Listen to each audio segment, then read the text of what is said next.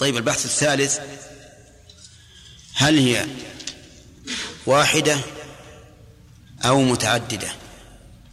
وإذا قلنا متعددة فهل هي اثنتان أو أكثر؟ الجواب أنها ليست واحدة. أنها ليست واحدة بل أكثر. وهي قد جاءت بلفظ الإفراد وجاءت بلفظ الجمع. ولم تأتي في القرآن بلفظ التثنية كما جاءت اليد. فمن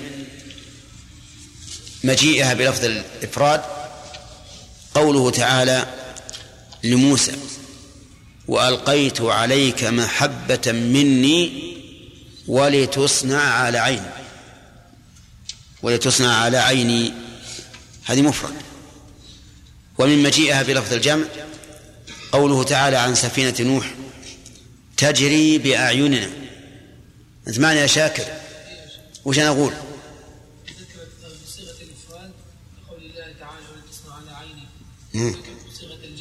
الله تعالى تجري بأعيننا لا ما ما هو هذا. كقوله تعالى عن سفينة نوح. يعني تجري بأعيننا. طيب. وقوله تعالى لنبيه محمد صلى الله عليه وسلم واصبر لحكم ربك فإنك بأعيننا. هذا لفظ الجمع. أما مفرد أما مثناة فلم تأتي في القرآن. ولكنها جاءت في حديث ذكره ابن القيم رحمه الله في مختصر الصواعق ولم يعزم. قال إذا قام أحدكم يصلي فإنه بين عيني الرحمن. بين عيني الرحمن. طيب. ولكن جاءت في السنة بما يدل دلالة واضحة على أنها على أن العين اثنتان. وذلك في قول النبي عليه الصلاة والسلام في صفة الدجال إنه أعور العين اليمنى. وإن ربكم ليس بأعور. أعور العين اليمنى وإن ربكم ليس بأعور. فإن هذا كالنص الصريح على أنهما اثنتان. ووجهه أن الله سبحانه وتعالى ذكر علامة فارقة بين الدجال وبين الرب عز وجل. بأن الدجال أعور العين اليمنى والرب ليس بأعور ولا عور إلا لذي عينين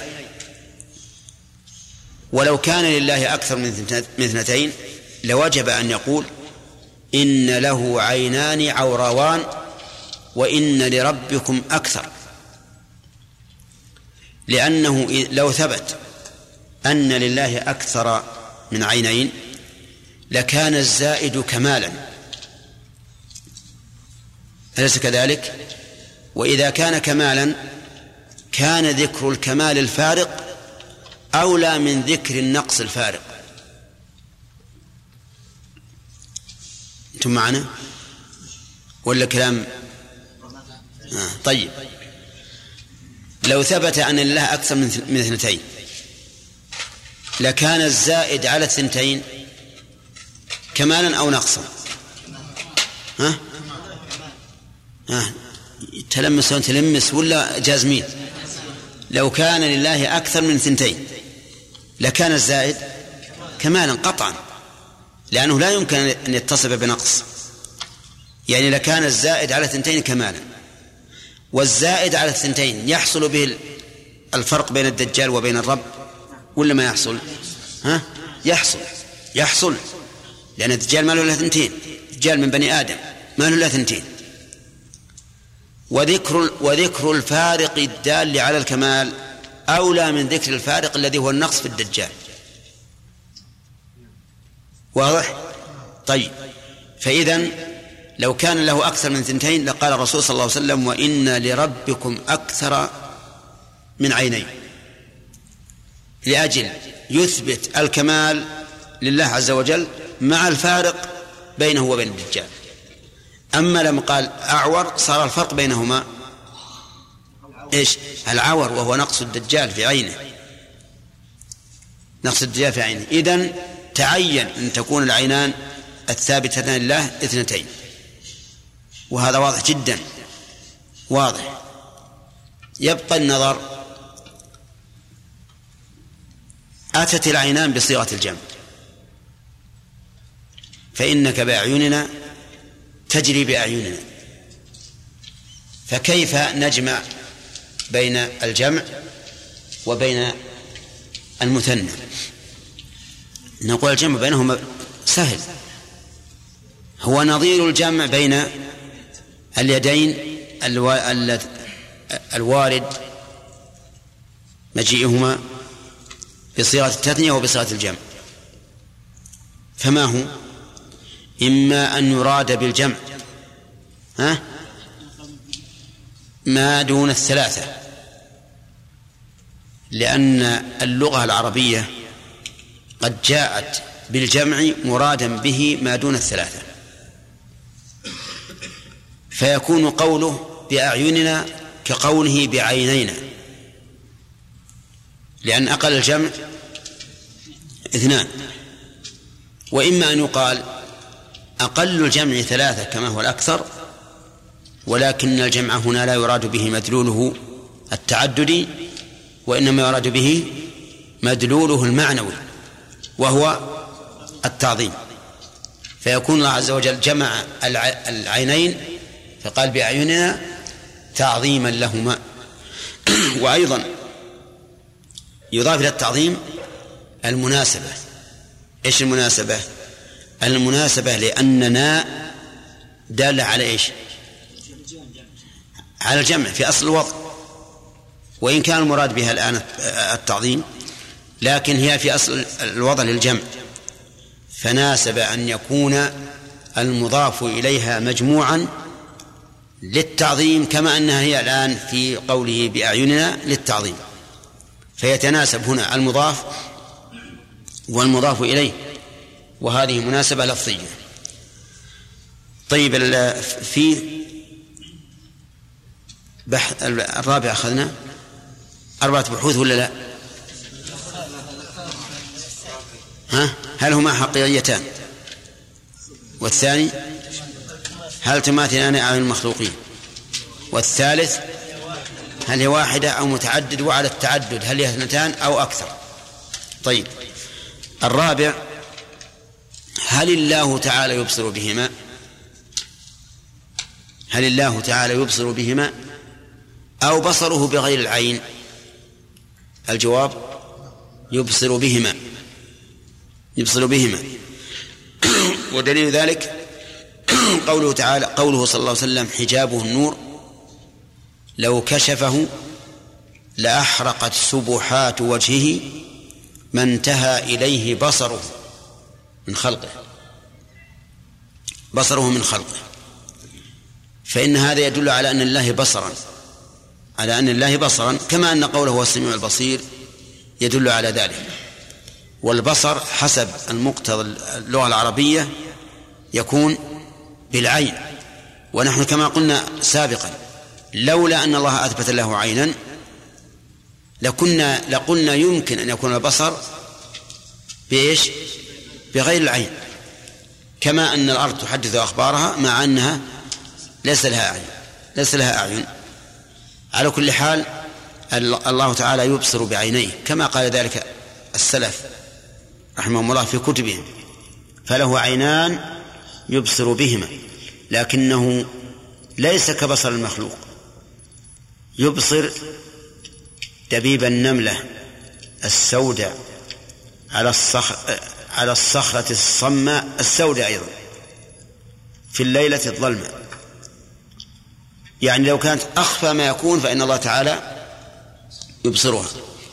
أما نحن فكما تعلمون بصرنا محدود ولا يمكن أن يكون كبصر الله سبحانه وتعالى. طيب إذا قال قائل قد ورد في تفسير بعض السلف لقوله تعالى تجري بأعيننا قال تجري بمرأ منا. فهل يعتبر هذا تحريفا أم ماذا؟ الجواب لا ليس هذا تحريفا ليس هذا تحريفا. لأنهم يقولون تجري بمرأ منا مع إقرارهم بالعين. نعم لو أن هذا جاء من شخص فسر بمرأ منا وهو ينكر العين لقلنا هذا تحريف. أما إذا قال بمرأ منا فإن معنى كلامهم أن أنها تجري ونحن نراها بأعيننا. وكأنهم يريدون بذلك الرد على من زعم بأن ظاهر الآية أن السفينة تجري في نفس العين. حاشا وكلا. نعم. وجاء بها مشبها على مذهب السنة والجماعة. وقال أنتم يا أهل السنة والجماعة تقولون إننا نجري نصوص الصفات على ظاهرها وظاهر الآية أن أن السفينة في نفس عين الله. وهذا لا شك أنه إلزام باطل وأن السلف لا يلتزمون بهذا بل يقولون إن هذا ليس مدلول اللفظ. ليس مدلول اللفظ. اللغة العربية يقول الإنسان اذهب فأنت بعيني يعني أراك وألاحظك ولا تغيب عن عيني. ولا أحد يقول إن الرجل إذا قال لصاحبه أنت بعيني يعني أنك في نفس العين. أبدا. ولا هذا مقتضى اللفظ اللغة العربية.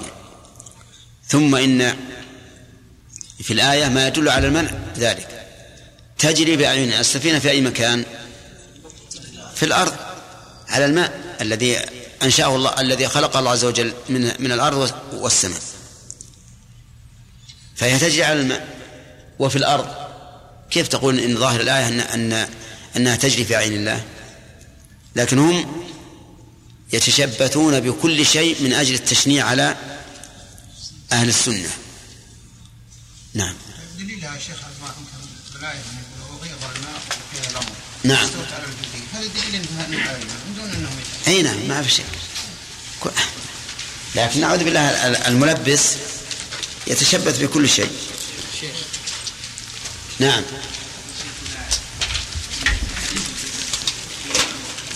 اللي وراك يا حسن.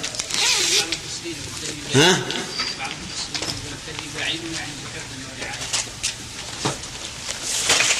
اي نعم هذا خطأ. هذا هذا تحريف لا شك. لكن بمرأة منا لا أحسن منه. نعم. قل يا حسن.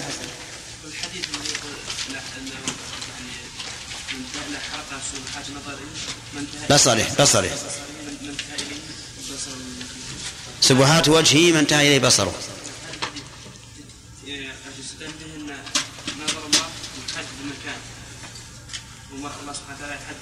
لا إذا قال ما انتهى إليه بصره من خلقه وبصره محيط بكل شيء.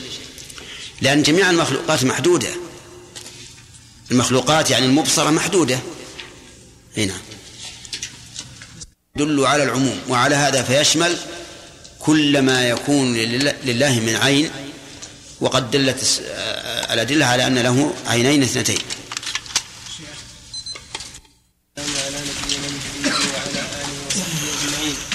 قال رحمه الله تعالى عينه وصفة النزول وخلقه فاحذر من النزول.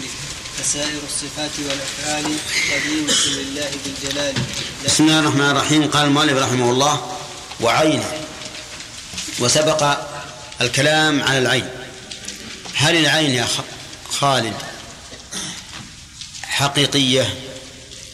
أو هي مجاز عن الرؤية أو مجاز عن العلم؟ حقيقية ما الدليل؟ ظاهر الكتاب والسنة وإجماع السلف. طيب أحسنت.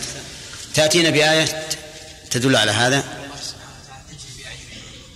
قول الله تعالى تجري بأعيننا. ودليل آخر؟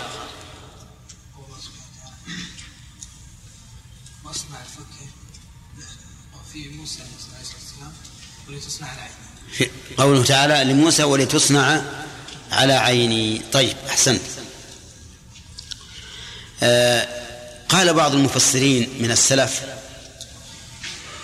من السلف طريقة ومنهجا لا زمنا في قوله تعالى تجري بأعيننا تجري بمرأ منا. فما رأيك في هذا القول؟ قول صحيح إن مراد ذلك إن يرد على من يقول يعني على ظاهر اللغو يعني تجري بعين الله عز وجل يعني قصدوا بذلك الرد على من قال إن ظاهر الآية أن السفينة تجري في عين الله سبحانه وتعالى. فإذا بهذا بهذه بهذه الإرادة يكون التعبير صحيحا وهم لا ينفون العين. يعني لا ينفون بقولهم بما منا العين بل يثبتونها. طيب. كيف نجمع يا فهد بين قوله تعالى تجري بأعيننا وقوله ولتصنع على عين. قلنا بل لله عز وجل ثابتين والجمع المراد بالجمع لا. كيف الجمع والإفراد ولا؟ الجمع بين الإفراد وت- و- بين قول تجري بأعيننا وقوله ولتصنع على عين. نعم الصحان عليه مفرد مضاف. وإذا يضاف المفرد فيعم. يعم. في يعني يعم يعني ولو كان أكثر من واحد. ولو كان أكثر من واحد. هل لديك شاهد على أن المفرد يعم ولو كان أكثر من واحد؟ قوله تعالى. وإن تعدوا نعمة الله لا تحصوها. نعم. وإن تعدوا نعمة الله لا تحصوها. إذن النعم أكثر من واحدة أحسنت. أصبر الجمع واضح الآن؟ طيب. هل الثابت لله عند أهل السنة عينان أو أعين كثيرة؟ ثابت هنا. ثابت الله عز وجل عينان عينان وين أين الدليل؟ دليل آه، لزوما في حديث آه، آه، الدجال من الرسول صلى الله عليه وسلم قال إن ربكم ليس بأعور. قلنا إن وإنه أعور العين اليمنى طيب. قلنا انه أن العور يلزم منه أن تكون عينان. تمام. لأن العور لا يكون بعين واحدة. ها وأراد به الرسول صلى الله عليه وسلم أن الله عز وجل قال ليس بأعور فيلزم من ذلك أن تكون عيناه. تمام. هذا جيد. في وجه آخر؟ أيضا في حديث أورد ابن القيم لا دعنا من هذا الحديث. هذا لم يس... لم يعزه. أيضا وجه آخر. وتبين أن الحديث ضعيف. أيضا وجه آخر أن أن أن أن, أن الله سبحانه أن النبي صلى الله عليه وسلم ذكر في مقام التمدح لله سبحانه وتعالى. فلو كان الله سبحانه أكثر من عينين لذكرهما. أنه من الفوارق التي يفرق بها الدجال. فعندما لم يذكر أنه ليس مع ثبوت الكمال؟ مع ثبوت الكلام طيب. واضح كلام هذا؟ ها؟ يقول لو ثبت أن لله أكثر من ثنتين لحصل بذلك الفرق. لأن لأن الأعور الدجال ليس له إلا عينان. فلقال الرسول إن ربكم له ثلاثة أعين ثلاثة أعين أو عشر أو مئة. لأنه إذا ثبت أن لله أكثر من اثنتين صار هذا الزائد ها كمالا.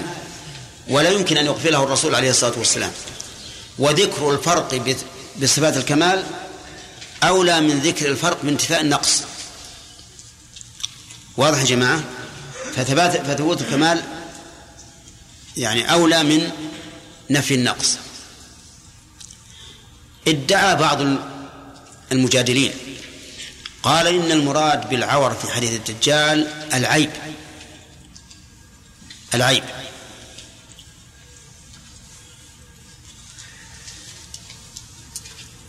فنقول له هذا تحريف. لأن لفظ الحديث أعور العين اليمنى. العين اليمنى. وهذا صريح. لأن المراد عور العين. لا العور الذي هو العيب العام الذي ينزه الله عنه على سبيل العموم. وهذا القول تحريف. ولكني أنا أتيت به لأب- لأبين لكم أن أهل التحريف كلهم أصحاب جدل. أصحاب جدل. لكن من من آتاه الله علما وفهما فإنه يرد جدلهم في نحورهم. لأنه ما المعنى أنك تحرف الحديث أعور العين اليمنى تقول هذا المراد العور العيب؟ يعني فإنه معيب وإن ربكم ليس بعيب ما الذي أوجب لك أن تحرف هذا التحريف والحديث صريح؟ إلا العناد وزعم وزعمك أن لله أعينا كثيرة لا تحصى. لأن بعض الناس قال يجب أن نؤمن بأن, الله بأن لله أعينا كثيرة لا تحصى. وبعضهم عاب علينا أن نثبت العين الحقيقية. قال يلزم من قولكم إذا أثبتتم العين الحقيقية أن يكون الله له أعين كثيرة لا تحصى. فهؤلاء في جانب النفي وأولئك الآخرون في جانب الإثبات. هؤلاء قالوا حرام عليكم أن لا تثبتوا إلا عينين. والآخرون قالوا حرام عليكم أن تثبتوا عينين. ليش؟ كلهم احتجوا بالشبهة هذه. تجري بأعيننا هؤلاء قالوا إذا أثبتنا لازم أن نثبت أعينا كثيرة لا تحصى. وأولئك قالوا لو أثبتنا العينين لازم أن نثبت أن يكون الله أن يكون الله له. لو أثبتنا لو أثبتنا العين حقيقة لازم أن نثبت له أعين كثيرة لا تحصى. إذن فالعين ليست حقيقية ولكنها كناية عن الرؤية. على على من قال بالرؤية. أو عن العلم لمن نفى الرؤية لأنكم تعلمون أن الأشاعرة لا لا يثبتون الرؤية. يثبتون العلم ولا يثبتون الرؤية فيقول تجري بأعيننا أي بعلمنا. طيب آه انتهى الكلام أظن على العين فيما سبق ونرجو أن يكون واضحا. نعم. نعم. لا. قول يقول أثبت لله أعينا لا تحصى. وقول آخر يقول لا تثبت لله ولا ولا عين واحدة ما له عين إطلاقا. ثم قال المؤلف وصفة النزول يعني ومن الأمور التي نثبتها لله وهي ثابتة له من غير تمثيل صفة النزول. النزول يعني إلى السماء الدنيا. وذلك لأنه تواتر عن النبي صلى الله عليه وسلم أو اشتهر اشتهارا إلى قرب التواتر بأن الله تعالى ينزل إلى السماء الدنيا حين يبقى ثلث الليل الآخر. ينزل نزولا حقيقيا بذاته إلى السماء الدنيا.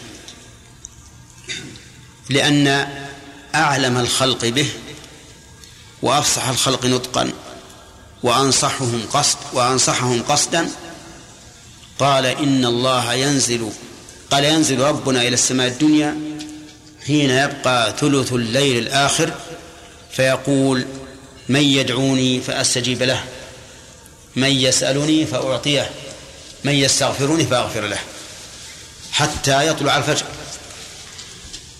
قائل هذا من؟ النبي صلى الله عليه وسلم الذي يجب علينا أن نؤمن بأنه أعلم الناس بالله. وأنه أصدق الخلق مقالا وأنصحهم مقصدا. فلا أحد أنصح من رسول الله صلى الله عليه وسلم للخلق. لا أحد من الخلق أنصح للخلق من رسول الله صلى الله عليه وسلم. ولا أحد من الخلق أفصح منه. ولا أحد من الخلق أصدق منه. ولا أحد من الخلق أعلم منه بالله. هذه صفات أربع انتبهوا لها. صفات أربع كلها في كلام الرسول صلى الله عليه وسلم. وبها يتم الكلام. العلم والصدق والقصد والفصاحة. القصد هو النصح طيب العلم لا أحد أعلم بالله من رسول الله صلى الله عليه وسلم. الصدق لا أحد أصدق من رسول الله. يعني لا أحد من الخلق أصدق من رسول الله صلى الله عليه وسلم. القصد لا أحد من الخلق أنصح من رسول الله صلى الله عليه وسلم للخلق. البلاغة لا أحد من الخلق أفصح ولا أبلغ من رسول الله صلى الله عليه وسلم. فإذا قال ينزل إلى الس... ينزل ربنا إلى السماء الدنيا فيقول صار المراد إيش؟ نزوله تعالى بذاته. نزوله بذاته. وقد صرح أهل السنة بأن المراد نزوله بذاته. وصرحوا بكلمة بذاته. مع أنه لا مع أننا لا نحتاج إليها. كيف؟ لأن الأصل أن كل فعل أضافه الله إليه فهو إلى ذاته. كل شيء فعل ولا اسم أضافه الله إليه فهو إليه ذاته. هذا هو الأصل. لو قلت في المخلوقين هذا كتاب فلان. هل المعنى هذا كتاب خادم فلان؟ ها؟ أو فلان نفسه؟ لفلان نفسه. لو قلت جاء جاء فلان هل المراد جاء خادم فلان أو رسول فلان؟ لا هو نفسه. هكذا كل ما أضافه الله إلى نفسه من فعل أو اسم فالمراد إليه ذاته إليه ذاته. لكن على وجه لا نقص فيه. فمثلا نقول ينزل ربنا إلى السماء الدنيا أضافه الله أضافه الرسول صلى الله عليه وسلم إلى ذات الله. ربنا. فوجب أن يكون مراد نزوله بذاته. وقد أجمع على ذلك الصحابة رضي الله عنهم. على أن المراد ينزل ربنا بذاته سبحانه وتعالى. أجمعوا عليه. ما الدليل على إجماعهم؟ أنه لم يأتي عنهم حرف واحد يقولون إن المراد ينزل شيء آخر غير الله. وهم يقرؤون هذا الحديث. فإذا قرأوه ولم يرد عنهم أنهم قالوا إن المراد ينزل رحمة من رحمته أو ملك من ملائكته علم إيش؟ أنهم أثبتوا نزوله بذاته. لكن لا حاجة إلى أن يقولوا بذاته. لم يظهر في زمنهم محرفة قالوا إن المراد ينزل أمره أو رحمته أو ملك من ملائكته. حتى. حتى يحتاجوا إلى القول ينزل بذاته. لكن لما حدث هؤلاء المحرفون احتاج احتاج أئمة المسلمين إلى أن يقولوا ينزل بذاته. ولكل داء دواء يناسب. كل داء له دواء يناسب. طيب. ينزل ربنا إلى السماء الدنيا. إذا ينزل نزولا حقيقيا. هذه واحد. البحث الثاني هل الذي ينزل هو الله أو رحمة من رحمته أو ملك من ملائكته أو ماذا؟ ها؟ الله. الذي ينزل هو الله. قال النبي صلى الله عليه وسلم ينزل ربنا فهو الله الذي ينزل. هل النزول يستلزم أن تكون السماء تقله؟ يعني سماء أعني سماء الدنيا وأن السماء الأخرى فوقه؟ ها؟ لا يلزم. بل نعلم أنه لا يمكن. نعلم أنه لا يمكن. لماذا؟ لأنه لو أقلته السماء لكان محتاجا إليها. ولو أظلته السماء الثانية لكان لكانت فوقه. والله سبحانه وتعالى له له العلو المطلق أزلا وأبدا. إذن فليست السماء تقله ولا السماء الأخرى تظله طيب البحث الثالث هل إذا نزل إلى السماء الدنيا يخلو منه العرش أو لا يخلو؟ في هذا ثلاثة أقوال لعلماء السنة. فمنهم من قال إن العرش يخلو منه. إن العرش يخلو منه. ومنهم من قال إن العرش لا يخلو منه. ومنهم من توقف. فأما الذين قالوا إن العرش يخلو منه فقولهم باطل. قولهم باطل. لأن الله أثبت أنه استوى على العرش بعد خلق السماوات والأرض ولم ينفي هذا الاستواء في الحديث حين قال ينزل إلى السماء الدنيا. لم ينفي الرسول صلى الله عليه وسلم. فوجب إبقاء ما كان على ما كان. وليس الله عز وجل كالمخلوقات. إذا شغل حيزا فرق منه الحيز الآخر. نعم نحن إذا نزلنا مثلا هنا خلا منا السقف.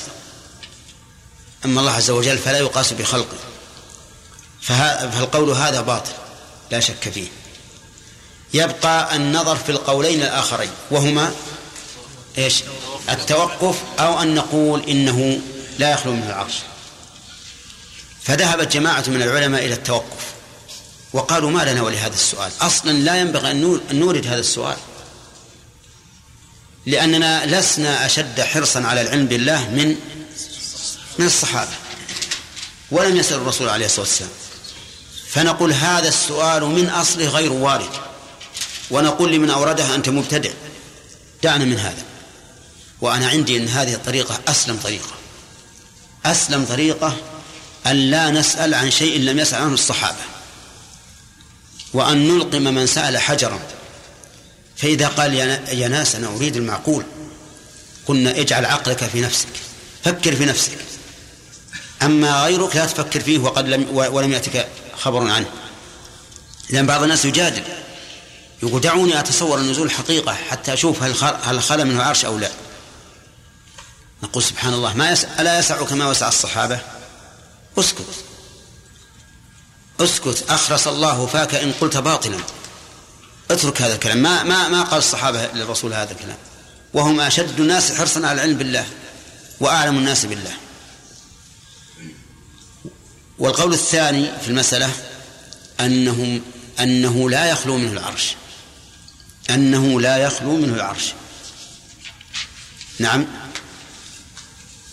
لأن الله تعالى ذكر أنه استوى على العرش حين خلق السماوات والأرض. ولم يذكر النبي صلى الله عليه وسلم أنه إذا نزل خلا منه العرش. فالواجب ها بقاء ما كان على ما كان نقول استوى على العرش ولم يزل مستوى عليه. ينزل السماء الدنيا في هذا الوقت. نعم والله على كل شيء قدير ولا يقاس بخلقه. كما أننا نقول جزما إنه إذا نزل إلى السماء الدنيا لم يكن نازلا على المخلوقات بل هو فوق كل شيء وإن كان نازلا إلى السماء الدنيا لأن الله لا يقاس بخلقه.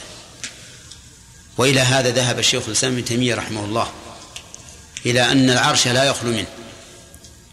ولكن أنا أميل إلى القول إلى القول الثاني وهو التوقف وأن لا يورد هذا السؤال أصلا.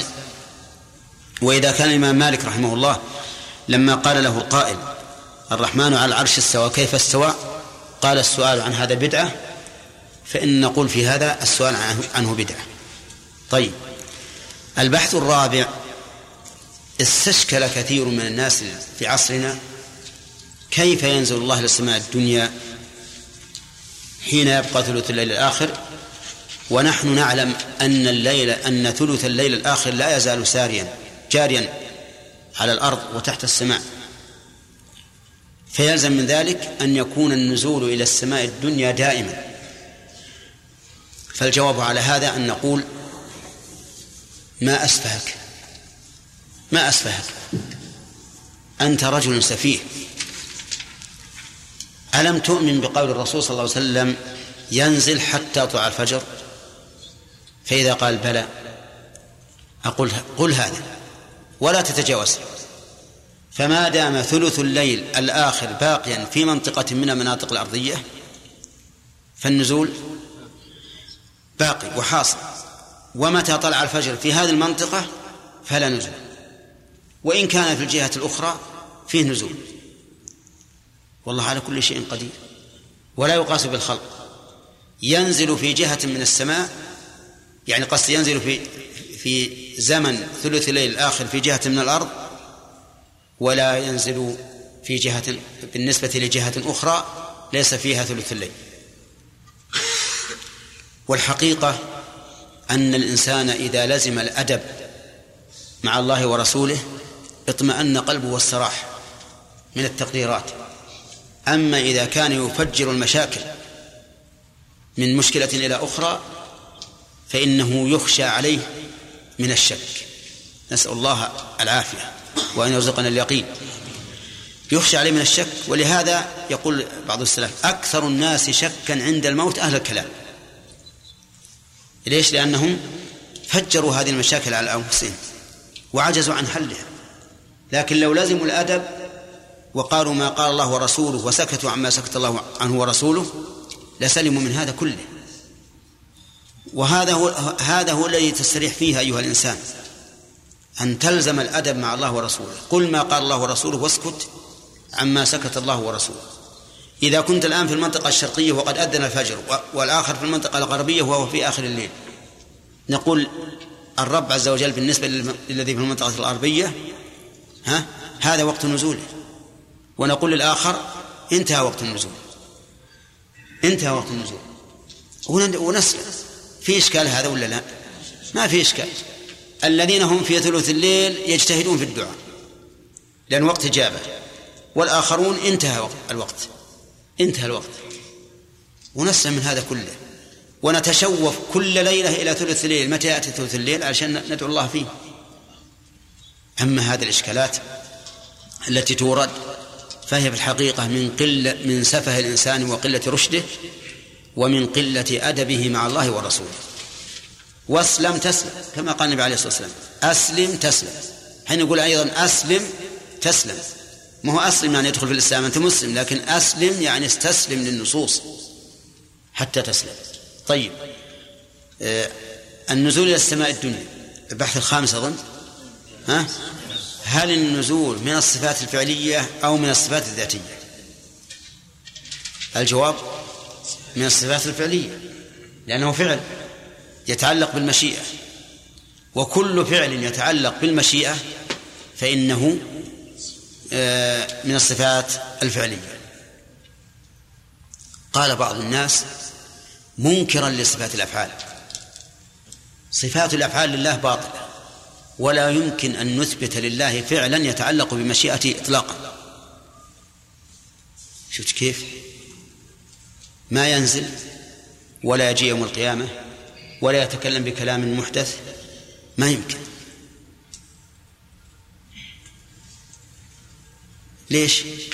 شبهة عظيمة تنطلي على طالب العلم الصغير. قال لأن هذا الفعل أو هذا الكلام إن كان صفة كمال وجب أن يتصف الله به دائما. وإن كان صفة نقص فإنه لا يجوز أن يوصف به. عرفتم؟ ولا ما عرفتم الشبهة؟ طيب.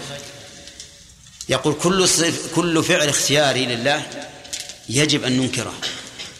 ونقول إن الله لا تقوم به الأفعال الاختيارية. لماذا؟ قال لأن هذه الأفعال إن كانت كمالا وجب أن يكون الله متصفا بها دائما. وإن كانت نقصا لازم أن لا تصف بها أبدا. صح ولا لا؟ هذا هذا الترديد صح. إن كانت كمالا لازم أن تكون دائما لأن الله موصوف بالكمال دائما. وإن كانت نقصا لازم أن لا تصف بها لأن الله منزه عن النقص. إذا لا نثبت له الأفعال الاختيارية. هذا أحد الوجوه ولا في وجه آخر قالوا إن الحوادث الأفعال الاختيارية حادث والحادث لا يقوم إلا بحادث لكن ما هو هذا المريد؟ فنقول لهم هي هي صفة كمال في محلها. هي صفة كمال في محلها. والحكمة لا تقتضيها في غير محلها. فلو جاءت في غير محلها لكانت نقصا. أرأيت لو أن ولدك أساء فضربته؟ كان ضربك إياه في هذا الوقت؟ إيش؟ حكمة وكمالا. لكن ضربك وهو يطيع؟ نقص. فنقول هذه الأفعال الاختيارية هي كمال لله متى؟ ها؟ في محلها الذي تقتضيه الحكمة. وفي غير محلها لا يمكن أن يتصف الله بها. لأنها في غير محلها لا تقتضيها الحكمة. والله سبحانه وتعالى أفعاله مقرونة بالحكمة. وبهذا يزول تزول هذه الشبهة. ولا واعلموا أيضا فائدة مهمة. أن جميع ما يتشبث به أهل الباطل في إبطال الحق فهو شبهات. شبهات وليس بحجج. لقوله تعالى فأما الذين في قلوبهم زيغ فيتبعون ما تشابه منه. وهذا نظير بعض نظير من بعض الوجوه لقول من قال من أهل الفلسفة الدعاء لا فائدة منه. لا تدعو الله. لا تدعو الله.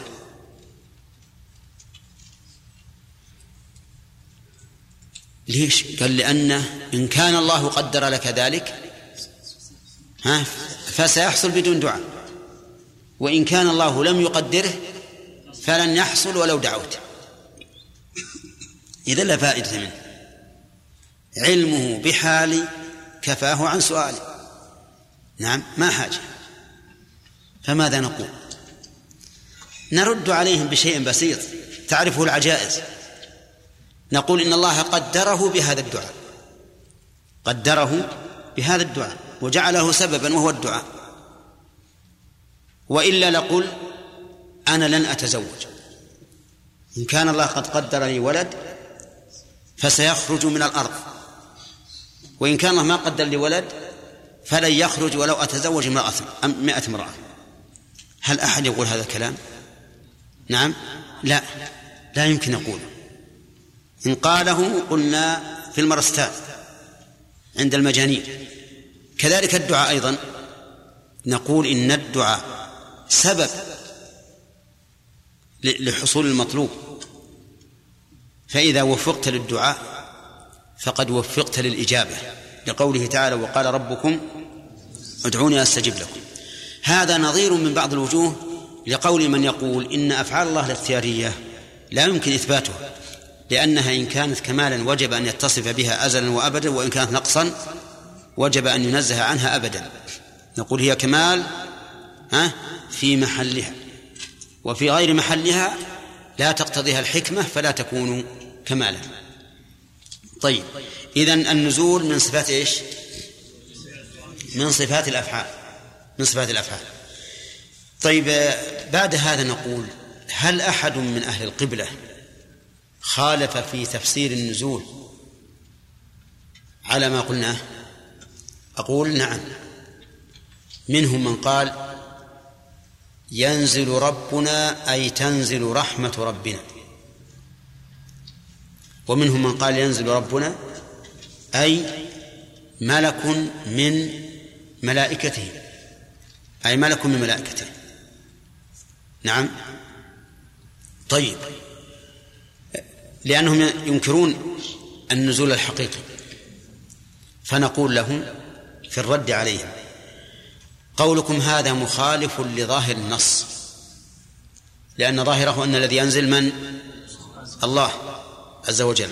ثانيا مخالف لصريح النص في قوله فيقول من يدعوني إذ أن الملك لا يمكن أن يقول للخلق من يدعوني فأستجيب له لأن هذا لا يقدر عليه إلا إلا الله. ولو أن أحدا قاله من الخلق لقلنا إنه نزل نفسه منزلة الخالق. يعني والملائكة مكرمون عن هذا. الملائكة يسبحون الله يسبحون الليل والنهار لا يفترون ويتبرؤون ممن يد... ممن يدعون غير الله. طيب.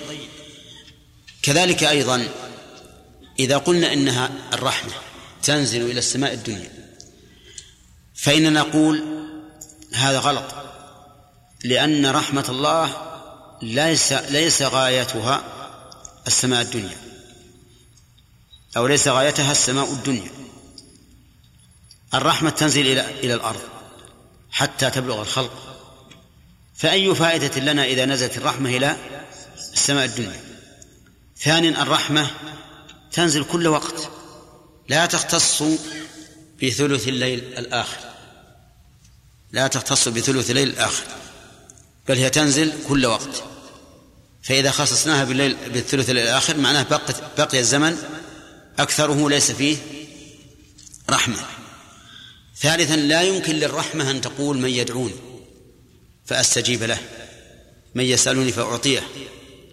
لأن الرحمة صفة من صفات الله. ولو قالت هذا القول ها لكانت إلها مع الله. ولهذا لا لا يصح لنا أن ندعو صفات الله.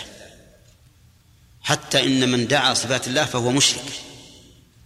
لو قال يا قدرة الله اغفري لي يا مغفرة الله اغفري لي يا عزة الله أعزيني هذا لا يجوز. لا يجوز شرك لأنه جعل الصفة بائنة عن الموصوف مدعوة دعاء استقلاليا. وهذا لا يجوز. وأما قوله صلى الله عليه وسلم برحمتك تستغيث فهذا من باب التوسل. يعني أستغيث بك برحمتك. فالباء هنا للاستغاثة والتوسل وليست وليست داخلة على المدعو حتى نقول إن الرسول دعا أو استغاث برحمة الله لكن استغاث بالله لأنه رحيم. هذا هو معنى الحديث الذي لا الذي يتعين أن يكون معنى الله. وبالرجب ها؟ نعم. أن تعرف هذا مما يؤيد أنه ينبغي للإنسان أن يسابق ويكون هو الأول لأن المتأخر دائما كما قال النبي عليه الصلاة والسلام لا يزال قوم يتأخرون حتى يؤخرهم الله. تكبر سبحان الله عما يشركون هو الله الخالق البارئ الخالق البارئ. وقال تعالى إن ربك هو الخلاق العليم. فالخلاق والخالق يؤخذ منهم منهما صفة الخلق. بناء على القاعدة التي سبقت لنا في هذا الباب وهو أنه كل اسم من أسماء الله فهو متضمن لصفة وليست كل صفة متضمنة لاسم.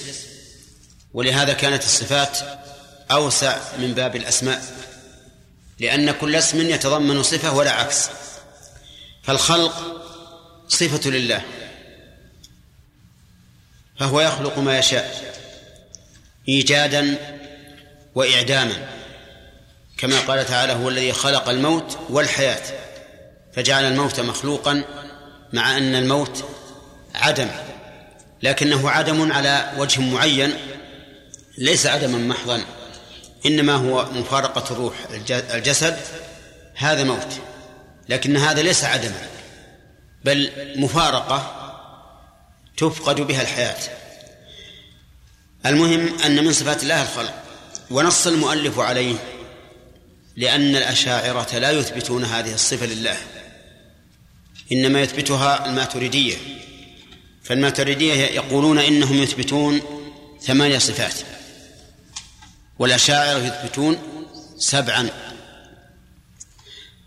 الخلق إذن صفة ذاتية من حيث إيش؟ الأصل. صفة فعلية من حيث النوع والأحاد. فالله تعالى يخلق ما يشاء بالنوع ويخلق ما يشاء بالأحاد. فالإنسان مثلا مخلوق بالنوع وبالأحاد كل إنسان على حدة. خلق الله للإنسان من حيث هو هذا يعتبر واحدا بالنوع. وخلق الله للإنسان باعتبار كل فرد يعتبر إيش؟ واحدا بالشخص بالأحد. أما من حيث الفعل لله عز وجل الذي هو صفة الخلق فإن الله لم يزل ولا يزال خلاقا فهو من الصفات الذاتية. قال فاحذر من النزول. احذر من النزول يعني النزول الخلقي والنزول العلمي والنزول السلوكي لأن النزول صفة ذم صفة ذم بكل حال. النزول الخلقي أن لا تخالق الناس بخلق حسن. فإن من الناس من قد يرزق علما وفهما لكنه لا يخالق الناس بخلق حسن. تحمله الغيرة وما عنده من العلم على الشراسة والعنف وتضليل الناس وربما تصل به الحال إلى تكفيرهم كذلك النزول إيش؟ النزول العلمي أي أنك لا تحرص على العلم ولا تبتغي العلم ولا تطلبه فإن العلم إذا تركته تركك. بل إذا تهاونت في طلبه فاتك. ولهذا قال بعض السلف لا ينال العلم براحة الجسم. وقال بعضهم أعط العلم كلك يعطيك بعضه وأعطه بعضك يفتك كله. ولم ينل ولم ينل العلماء الذين اشتهروا بالإمامة في العلم لم ينالوا العلم هذا الذي نالوا به الإمامة إلا بدأب عظيم وتعب على ما هم عليه من شرف العيش وقلة المساعدة الثالث النزول إيش؟ السلوكي النزول السلوكي قريب من النزول الخلقي. لكن لكنه يشمل العبادة والتعبد لله عز وجل بأن تكون عالية الهمة بالنسبة للعبادة لا تتوانى ولا تتكاسل. تتقي الله تعالى ما استطعت. ومن النزول أيضا النزول الفكري. أن تنزل بفكرك إلى ما يخالف السلف الصالح كما نزل أهل التعطيل وأهل التمثيل. فإن أهل التعطيل نزلوا بأفكارهم وانحدروا بها إلى الهاوية. وأهل وأهل التمثيل كذلك. كل منهم نزل. هؤلاء غلا في شاء التنزيه وهؤلاء غلوا في الإثبات. فتطرفوا جميعا فنزلوا عن مستوى الحق والصراط المستقيم. ثم قال المؤلف فسائر الصفات والأفعال قديمة لله ذي الجلال. قوله سائر الصفات والأفعال. سائر ترد بمعنى باقي وترد بمعنى جميل. فأما ورودها بمعنى باقي فإنها مأخوذة من من السؤر من السؤر وهو البقية. كما يقال مثلا سؤر البهائم طاهر. سؤر البهائم طاهر. يعني بقية شرابها مثلا. وتقول مثلا شربت سؤر فلان أي بقية شرابه. وعلى هذا فتكون سائر بمعنى باقي. أما سائر بمعنى جميع فهي مشتقة من السور لأنه يحيط بالقصر مثلا. كلام المؤلف هنا يتنزل على المعنى الأول أو على المعنى الثاني؟ ها؟ هل هو يريد فباقي الصفات أو يريد فجميع الصفات؟ يريد جميع الصفات. يريد فجميع الصفات. إذا سائر بمعنى جميع. سائر الصفات والأفعال قديمة لله. وكلامه هذا في إطلاقه نظر ظاهر. وذلك أن الصفات صفات الله عز وجل تنقسم إلى ثلاثة أقسام. إلى خبرية وذاتية وفعلية. أما الفعلية فنص عليه المؤلف قال الأفعال. فيبقى قول الصفات شاملا للخبرية والذاتية. ونحن نوافقه على أن الصفات الذاتية والصفات الخبرية قديمة لله. قديمة يعني أزلية لم تزل موجودة وهي كذلك أبدية لا تزال موجودة. الصفات الخبرية مثل الوجه والعين واليد والقدم هذه صفات أزلية قديمة وهي أيضا أبدية. الصفات الذاتية مثل العلم والقدرة والعزة وما أشبهها. هذه أيضا قديمة لله عز وجل أزلية أبدية. أما أما الصفات الفعلية التي أشار إليها المؤلف بقوله والأفعال فلا يطلق عليها إنها قديمة على سبيل الإجمال ولا إنها حادثة بل في ذلك تفصيل. فباعتبار الجنس هي قديمة فإن الله لم يزل ولا يزال فعالا. لم يأتي عليه وقت كان معطلا عن الفعل لم يزل فعالا. فباعتبار جنس الأفعال نقول إنها قديمة كما قال المؤلف باعتبار النوع والأحاد ليست قديمة. باعتبار النوع والأحاد ليست بقديمة. وأضرب مثلا للنوع استواء الله على العرش نوع من أنواع الفعل. نوع من أنواع الفعل. هل يمكن أن نقول إنه قديم؟ لا لا يمكن. لأنه لم يكن إلا بعد خلق العرش. وخلق العرش حادث. فيلزم منه أن الاستواء حادث وأنه ليس بقديم. هذا باعتبار النوع. باعتبار الآحاد ما شاء الله. ملايين الملايين. خلق الله عز وجل لزيد وعمر وبكر وخالد مثلا. هذا حادث ولا قديم؟ حادث لا شك. خلقه حين خلق. خلقه حين خلقه ومن له عشر سنوات فهو قبل أحد عشر سنة ليس موجودا لم يكن شيئا مذكورا. ولا تعلقت تعلق به تعلقت به صفة الخلق. إذن فكلام المؤلف باعتبار قول الصفات صحيح باعتبار قسمين من الصفات وهما الخبرية والذاتية. والأفعال صحيح باعتبار أيضا. باعتبار الجنس. جنس الأفعال قديمة. وأما أنواعها وآحادها فليست قديمة. طيب الصفات ذكرنا منها أمثلة. الوجه والعين واليد والإصبع والساق والقدم والحقو وما أشبه. كل ما ورد به النص فأثبته على أنه قديم. هذا باعتبار الصفات الخبرية الصفات الخبرية. ولا تستوحش من إثباته. لا تقل كيف يكون لك كذا كيف يكون لك كذا.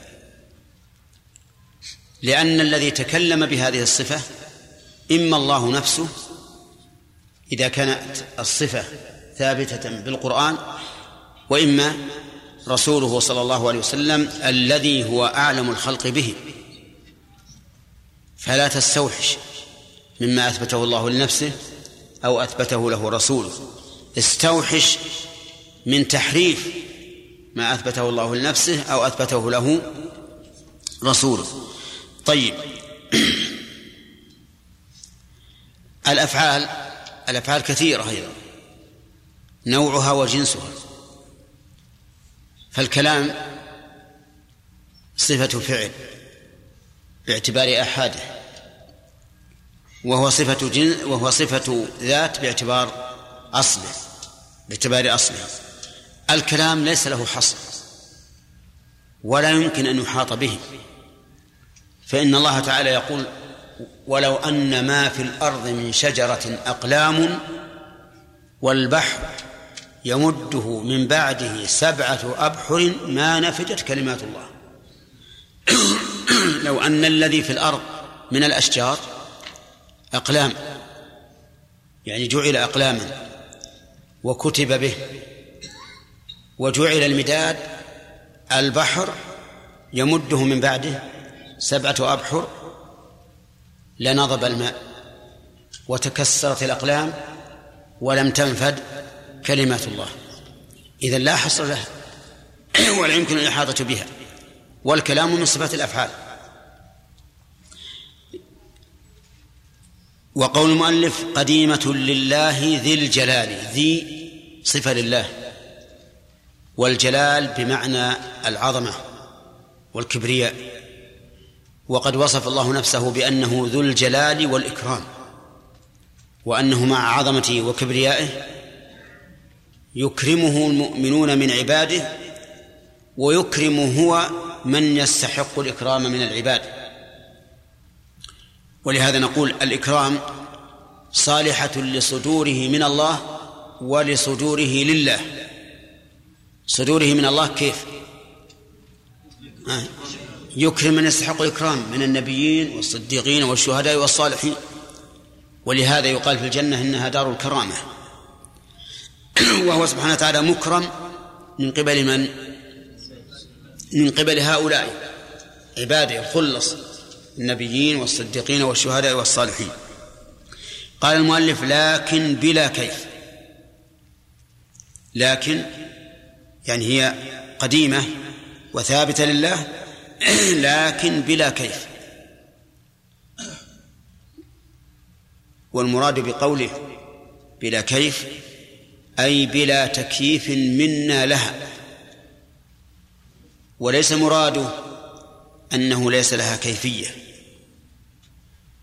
وذلك لأنه ما من شيء ثابت إلا وله كيفية. لابد. فاليد لها كيفية. الوجه له كيفية. العين لها كيفية. لكن نحن لا نكيفها. نحن لا نكيفها. فتكييفنا لها حرام. بل السؤال عن الكيفية بدعة كما نص على ذلك الإمام مالك رحمه الله وأقره أهل العلم عليه. فلا نسأل عن الكيفية ولا نكيف. والتكييف باطل بدلالة السمع ودلالة العقل.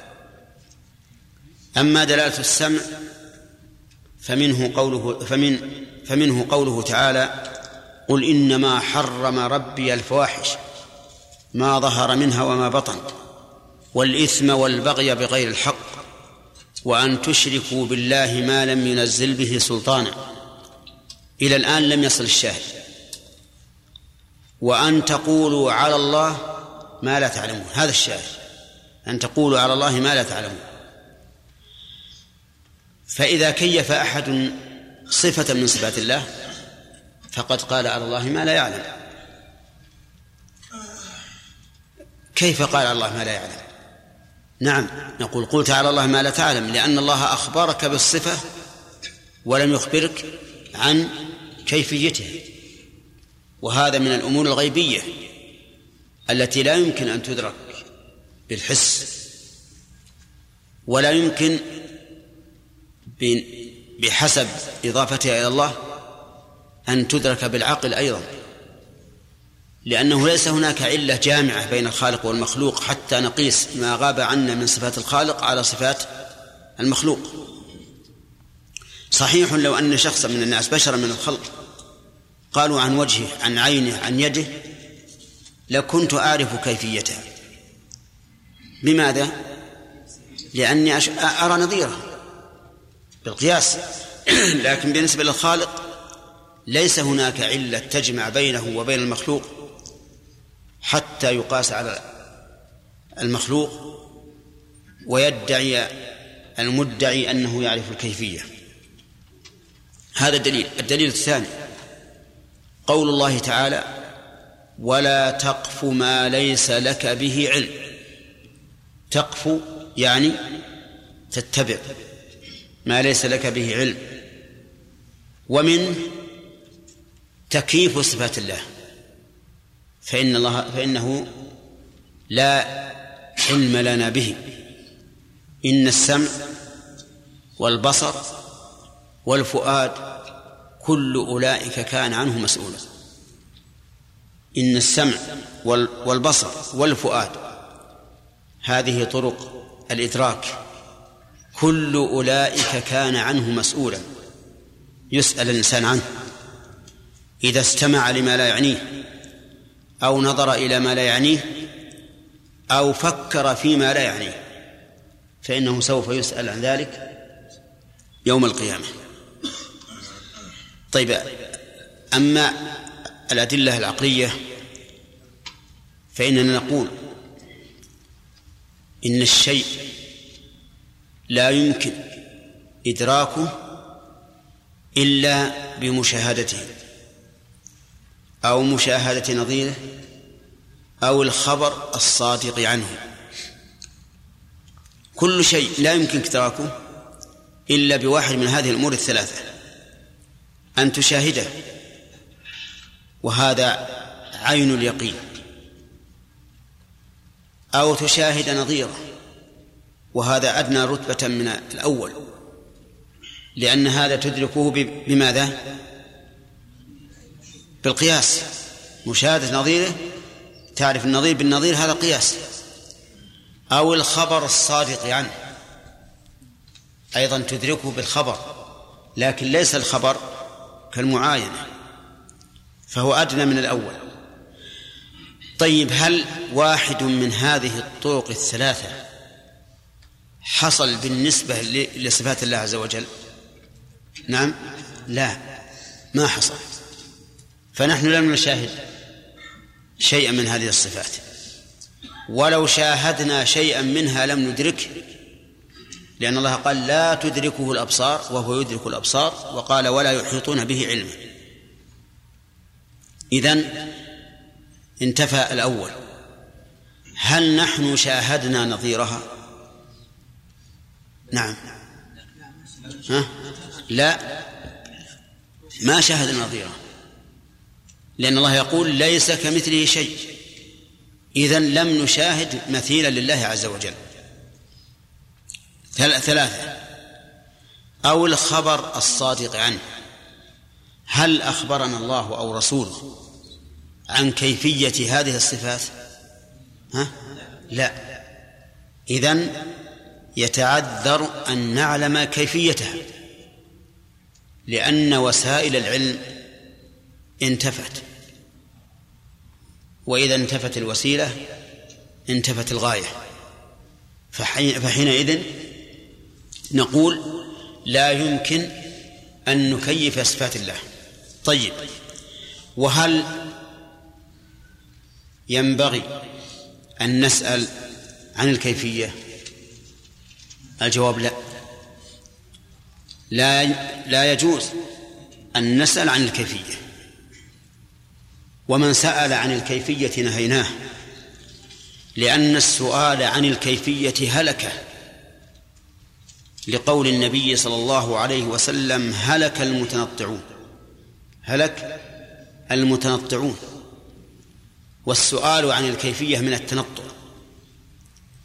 لأنه لو كان عن لو كان لك فائدة في علم الكيفية لبينها الله ورسوله. بل نقول لأن الوصول إلى حقيقة كيفية صفات الله أمر مستحيل. أمر مستحيل. لأن الإنسان أقل من أن يحيط بكيفية صفات الله. وانظر إلى موسى صلى الله عليه وسلم. حين قال لله رب أرني أنظر إليك. يطلب النظر إلى الله شوقا إلى الله عز وجل لا شكا في وجوده لكن شوقا إليه. رب أرني أنظر إليك. قال لن تراني. يعني لا يمكن لا يمكن أن تراني ولكن انظر إلى الجبل فإن استقر مكانه فسوف تراني فنظر إلى الجبل. فلما تجلى الله عز وجل للجبل جعله دكا. اندك صار رملا. هذا الجبل الأصم الصلب لما تجلى الله عز وجل له اندك. وصار رملا.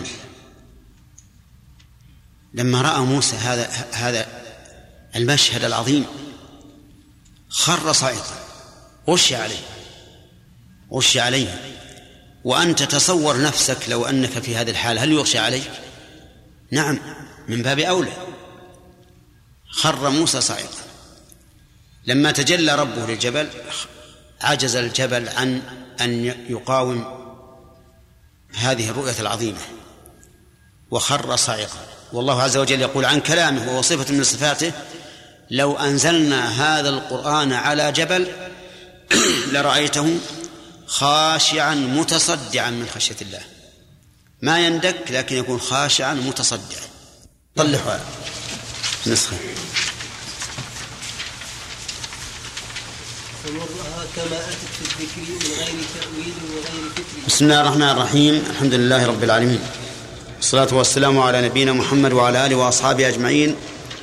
سبق لنا أن قول المؤلف رحمه الله إن الصفات والأفعال قديمة لله في إطلاقه نظر.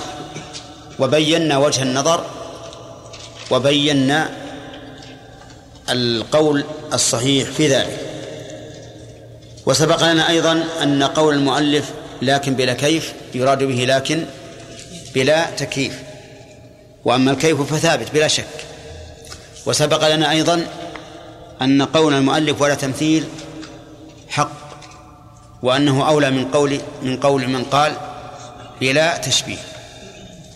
طيب بقي علينا أننا نرى في بعض الأحيان كلاما بلفظ التشبيه جاء من أئمة السلف.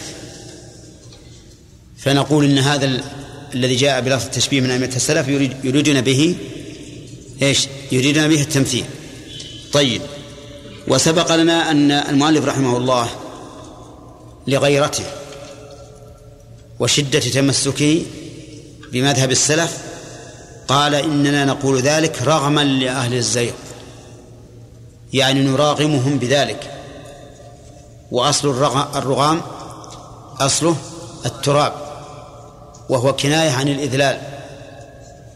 فقل راغمته أي أذللته. ومنه قولهم رغم أنف امرئ. طيب. وأما قولها التعطيل فالتعطيل معناها التخلية.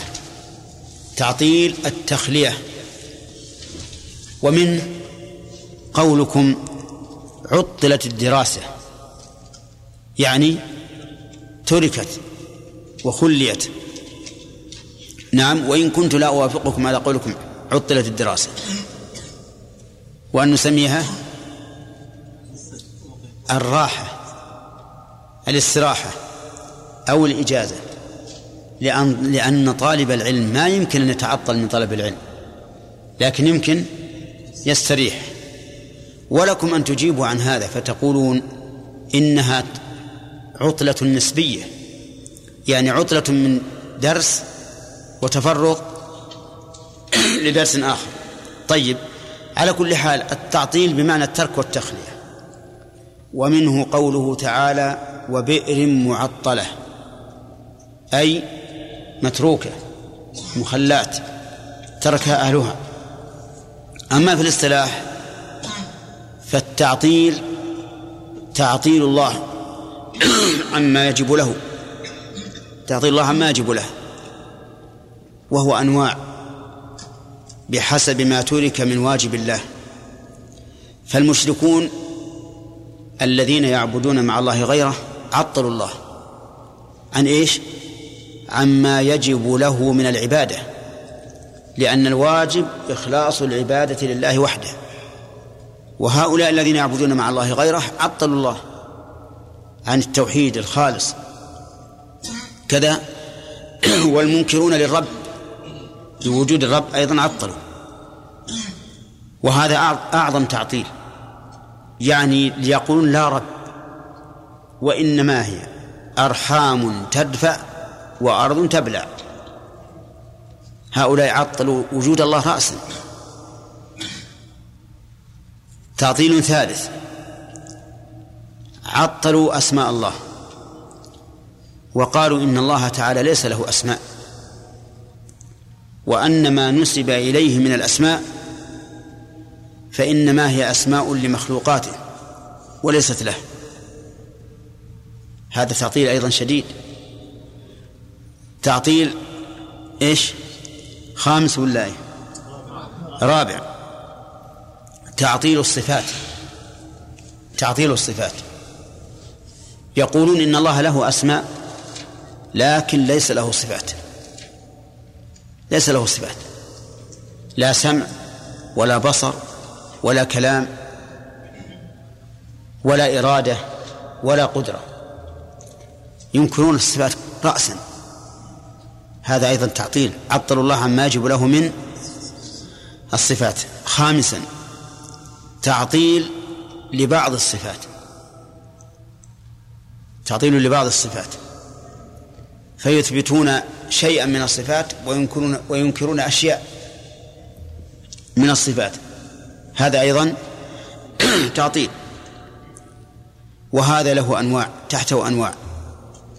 منهم من يعطل صفات الأفعال فقط ومنهم من يعطل كل صفة لا يدل عليها العقل على زعمه فيختلفون في هذا. فصار التعطيل انواعا خمسة. التعطيل المطلق وهو تعطيل وجود الخالق. ثانيا تعطيل ألوهيته بأن يعبد معه غيره. تعطيل أسمائه بأن تنفى عنه الأسماء. والذي ينفي الأسماء ينفي الصفات من باب أولى. تعطيل الصفات. فيقول إن الله له أسماء وليس له صفات. والخامس تعطيل بعض الصفات وهذا يختلف فيه ناس كثيرا. منهم من يعطل كثيرا ومنهم يعطل قليلا. كل أنواع التعطيل منفية. في قول المؤلف رغما لأهل الزيغ والتعطيل. رغما لأهل الزيغ والتعطيل. طيب الجهمية والمعتزلة. الجهمية المقتصدون منهم عطلوا الصفات وأثبتوا الأسماء. والغلاة منهم عطلوا الأسماء والصفات.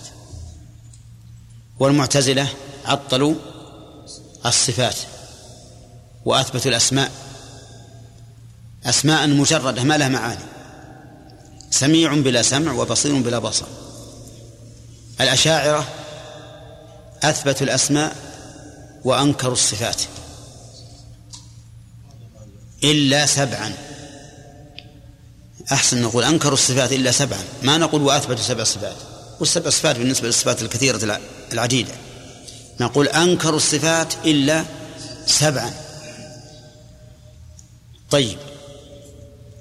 أهل السنة والجماعة أثبتوا توحيد الله في ربوبيته وألوهيته وأسمائه وصفاته. وأثبتوا لله الأسماء والصفات كلها بدون قيد وبدون تفصيل لأنهم يقولون إن الواجب علينا أن نمرها كما جاءت. ولهذا قال المؤلف فمرها كما أتت في الذكر. مرها يعني اقبلها اقبلها وأمرها بلسانك. وبقلبك كما أتت في الذكر. في الذكر يعني في القرآن. سواء أتت في القرآن مباشرة أو بالإحالة. مباشرة بأن تكون الأسماء والصفات في القرآن أو بالإحالة بأن تكون الأسماء والصفات في في السنة. لأن ما جاء في السنة فقد أتى في القرآن لكن عن طريق الإحالة. وما آتاكم الرسول فخذوه. طيب مرها كما أتت في الذكر. هذه العبارة ورد معناها عن السلف. فقالوا في آيات الصفات وأحاديثها. وانتبهوا للعبارة. أمروها كما جاءت بلا كيف. أمروها كما جاءت بلا كيف. هكذا جاء عن السلف. وهذه العبارة تجاذب تجاذبها طائفتان. طائفة ادعت أن السلف أرادوا بهذه العبارة التفويض. تفويض. يعني أننا نمر النص ونفوض معناه. ونقول الله أعلم بما أراد. فنقرأ الرحمن على العرش استوى ولكن لا ندري وش معنى استوى. ما نعلم ما معنى استوى. نقرأ ينزل ربنا إلى السماء الدنيا ولا نعلم معنى ينزل. نقرأ ويبقى وجه ربك ذو الجلال والإكرام ولا نعلم معنى الوجه. وعلى هذا فقس. وادعوا أن هذا مذهب أهل السنة والجماعة وأنه مذهب السلف. والغريب أن هذا أن هذه الدعوة تصدر من علماء أجلة من علماء أجلة يشهد لهم بالخير. لكننا نشهد لهم بالخير ونشهد عليهم بالخطأ في نقل مذهب السلف على هذا الوجه. ونرى أنهم مخطئون لكن عن غير عمد لأن نيتهم حسنة لا شك عندنا فيها لكنهم فهموا عن السلف فهما خاطئا. فليس مذهب السلف هو التفويض أبدا. السلف من أفقه الناس في معنى آيات الصفات وأحاديثها لكنهم من أبعد الناس أن يقولوا فيها ما لا يعلمون. بالكم يا جماعة لو أننا قلنا إن مذهب السلف في آيات الصفات وأحاديثها هو التفويض الذي أراده هؤلاء لكان أجهل الخلق بالله هم من السلف لأن من لا يعرف معنى الصفات كيف كيف يعرف الله؟ الذي لا يعرف إيش معنى السميع والبصير والعزيز والحكيم كيف يعرف الله؟ وهذا اللازم لا شك أنه لازم باطل. وبطلان اللازم يدل على بطلان الملزوم. ومن ثم أطلق بعض العلماء من هؤلاء أطلقوا القول الآتي. طريقة السلف أسلم وطريقة الخلف أعلم وأحكم. وهذا القول فيه حق وباطل. فقولهم أسلم صحيح أنه أسلم. لكن لا على الوجه الذي أرادوه. لو كان مذهب السلف هو الوجه الذي أرادوه ما كان أسلم. ما كان أسلم بل كان أثلم. أثلم. تنبع بعض الناس إذا طاحت سنونه يقول إذا بغى يقول أسلم يقول أثلم. نحن نقول هؤلاء لو كان مذهب السلف كما قلتم ما كان أسلم بل كان أثلم واضح يا جماعة؟ لأن مذهبا يقول والله أنا أقرأ آيات الصفات وأحاديثها ولا أدري معناها. وين السلام؟ إذا لم تعرف المعنى وتثبت فأنت غير سالم. طيب لكن هم قالوا إن إن كون الإنسان يقول والله ما أدري هذه سلامة. سلامة. طريقة الخلف يقولون إنها أعلم وأحكم. أعلم لأنهم يثبتون معنى. وأحكم لأنهم قالوا من المحال أن ينزل الله علينا كتابا في أعظم ما نحتاج إليه ثم لا يكون له معنى معلوم. صح ولا لا؟ يعني لو قال إنسان هذه آيات الصفات وأحاديثها ما لا معنى ما, هو معلوم معناها؟ هل هذا من الحكمة أن الله ينزل علينا كتابا ورسوله صلى الله عليه وسلم يتلو علينا أحاديث في أعظم ما نحتاج إليه ثم لا نعرف معناها؟ هل هذا من الحكمة؟ هذا من السفة. ولهذا قالوا طريقة السلف أعلم وأحكم. الخلف قصد طريقة الخلف أعلم وأحكم. وقد بينا أن هذه القولة باطلة متناقضة كذب على السلف فيما فهموا من, مذهبهم. نرجع الآن إلى كلام المؤلف. قال السلف في آيات الصفات وأحاديثها أمروها كما جاءت بلا كيف. هل هذه العبارة تدل على أن السلف يفوضون المعنى؟ لا. هذه تدل على أن السلف يثبتون المعنى. يثبتون معنى آية الصفات وأحاديثها. تدل على هذا من وجهين. الوجه الأول قولهم أمروها كما جاءت ومن المعلوم أنها جاءت ألفاظا لمعاني. لم تأتي ألفاظا لغير معنى كالحروف الهجائية أبدا. جاءت ألفاظا لمعاني. فإذا أثبتناها كما جاءت إذا أمر أمرناها كما جاءت معناه أننا نثبت اللفظ. إيش؟ والمعنى. ثانيا قولهم بلا كيف يعني بلا تكييف تدل على على ثبوت المعنى. لأنه لولا ثبوت أصل المعنى ما احتجنا إلى قول ها؟ بلا كيف. إذ نفي, إذ نفي الكيف عما ليس بموجود لغو من القول. أظن واضح يا جماعة. إذا قالوا أمروها كما جاءت بلا تكييف بلا تكييف يدل على أنهم أثبتوا المعنى. وجه ذلك أن نفي التكييف يدل على ثبوت أصل المعنى. لأنه لولا ثبوت أصل المعنى ما احتيج إلى إلى أن نقول بلا تكييف.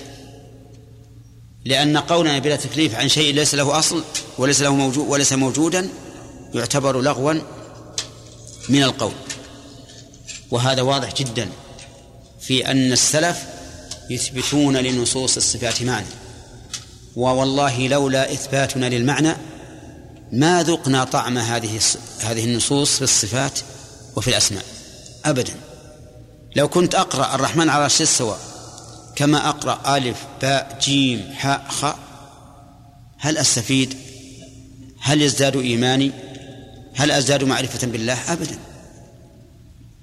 لولا أني أعرف أن معنى استوى أي على علوا يليق بجلاله وعظمته ما الثبت ولهذا كان دعوى أن السلف لا يثبتون المعنى دعوى باطلة وقدح وقدحا في السلف عظيما. مهما مهما صدر هذا القول أو من أي جهة صدر هذا القول فهو خطأ. إذن إذا كان السلف يثبتون المعنى بلا تكييف صاروا أسلم وأعلم وأحكم. وهذا هو المطلوب. نعم.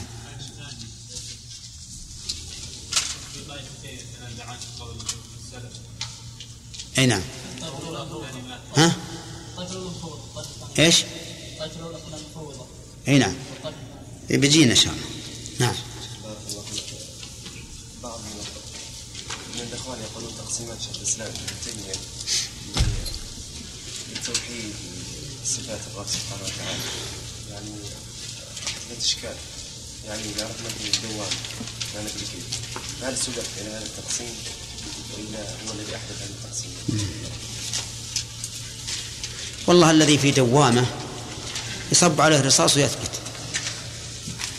سبحان الله هؤلاء أنا أشك في صدقهم في صدق نيتهم. نعم أنا أشك في صدق نيتهم. هل جاء في الشرع شروط الصلاة كذا وأركان الصلاة كذا وواجبات الصلاة كذا شروط الحج كذا وواجبات كذا؟ هذا ما جاء في السنة. لكن علم هذا بالتتبع. كذلك صفات الله عز وجل بالتتبع. وجدناها لا تخرج عن هذا. التوحيد بالتتبع وجدناه لا يخرج عن ثلاثة أقسام. يعني الشارع كما تعرفون ما هو مصنف.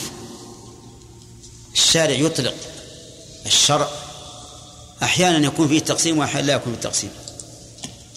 وحتى في الأمور الكونية أحيانا تأتي مطلقة وأحيانا مقسمة. فمنهم شقي وسعيد فمنكم كافر ومنكم مؤمن وأحيانا لا تأتي مقسمة. فإذا كان هذا التقسيم يؤدي إلى إبطال شيء من النصوص رددناه على قائله وإذا كان يحصل لنا النصوص ويضبطها لنا فهذا خير. هذا خير ولا مانع منه. أما والله لو كان يبي, يبي يرد النصوص. مثل تقسيم بعض الأشاعرة الآن الصفات إلى أربعين صفة وهذه صفة معنى وهذه صفة كذا. ويتضمن هذا التقسيم إبطال الصفات هذا نرده. لكن هذا التقسيم الذي قسمه شيخ الإسلام وغيره ما فيه أي شيء يبطل ما جاءت به النصوص. إنما هو حصر للمعاني حتى لا تتشتت على طالب العلم. ما أدري هل سبق ولا ما سبق لأني ما اتبعت هذا. والشيء وأنا طريقتي الشيء اللي أقتنع به ما أروح أطلب آه، خلاف أو أحد قال به أو ما قال به. ما دام الإنسان مقتنع بدلالة الكتاب والسنة في الشيء ما حاجة يروح يطلب بحث. هنا. نعم. والله قلنا ينبغي لطالب العلم أو لغيره إنه لا يسال عن صفات الله ها؟ أنه لا يسال عن صفات الله إلا ما ثبتها أو إلا ما س- ما س- سأل عنه السلام. نعم. لكن أحيانا تعرض الطالب يعني صفة يقول بها بعض الناس ولا يعلم هل قال بها السلف أو لم يقول يقول فهل له أن يسأل عنها؟ أصلها إذا عرضت لك صفة وأنت ما تدري هل ثبتت بالكتاب والسنة أو لا لا لا تثبتها إطلاقا. لكن لا أقصد السؤال عنها. ما يخالف تسأل عنها عالم هل ثبتت في السنة؟ لا بأس. هذا غير. يعني واحد مثلا آه، انقدح في ذهنه. صفة من صفات الله. ولا يدري هل جاءت في الكتاب والسنة أو لا فهو أولا من جهة العقيدة لا يعتقدها لأن الأصل أن الصفات توقيفية وهو لم يكلف ما لا علم له به. فيجب أن يكف عنها ولا مانع من أن يسأل عالما يظن أن عنده علما منها. لا مانع. هذا سؤال عن علم. جاهل بيسأل. لكن كون نتعمق ونتنطع في صفة جاءت مطلقة عن الشرع نروح ننقب وننقش. هذا هو ال- الذي كرهه السلف. هنا نعم. اللي يحسن الإمام بالاسم ها؟ اللي يحسن الإمام بال- بالاسم بالاسم والصفات أي والتصديق هو التصديق. هو التصديق التصديق والإيمان سواء. أي نعم. أنا حسن مما جاء أنا أنا الرسول صلى الله عليه وسلم وأثبت الله في- لنفسه نعم. الإنسان ما يكلف أكثر من ذلك أبد ما يكلف أكثر من هذا. أبد لا يكلف أكثر من هذا خصوصا في مسألة الصفات لأن مسألة الصفات أمور غيبية. ما لل- للعقل فيها مدخل ما يمكن الإنسان يقيس. فإذا كان ما في مدخل للعقل قف عليه. هنا.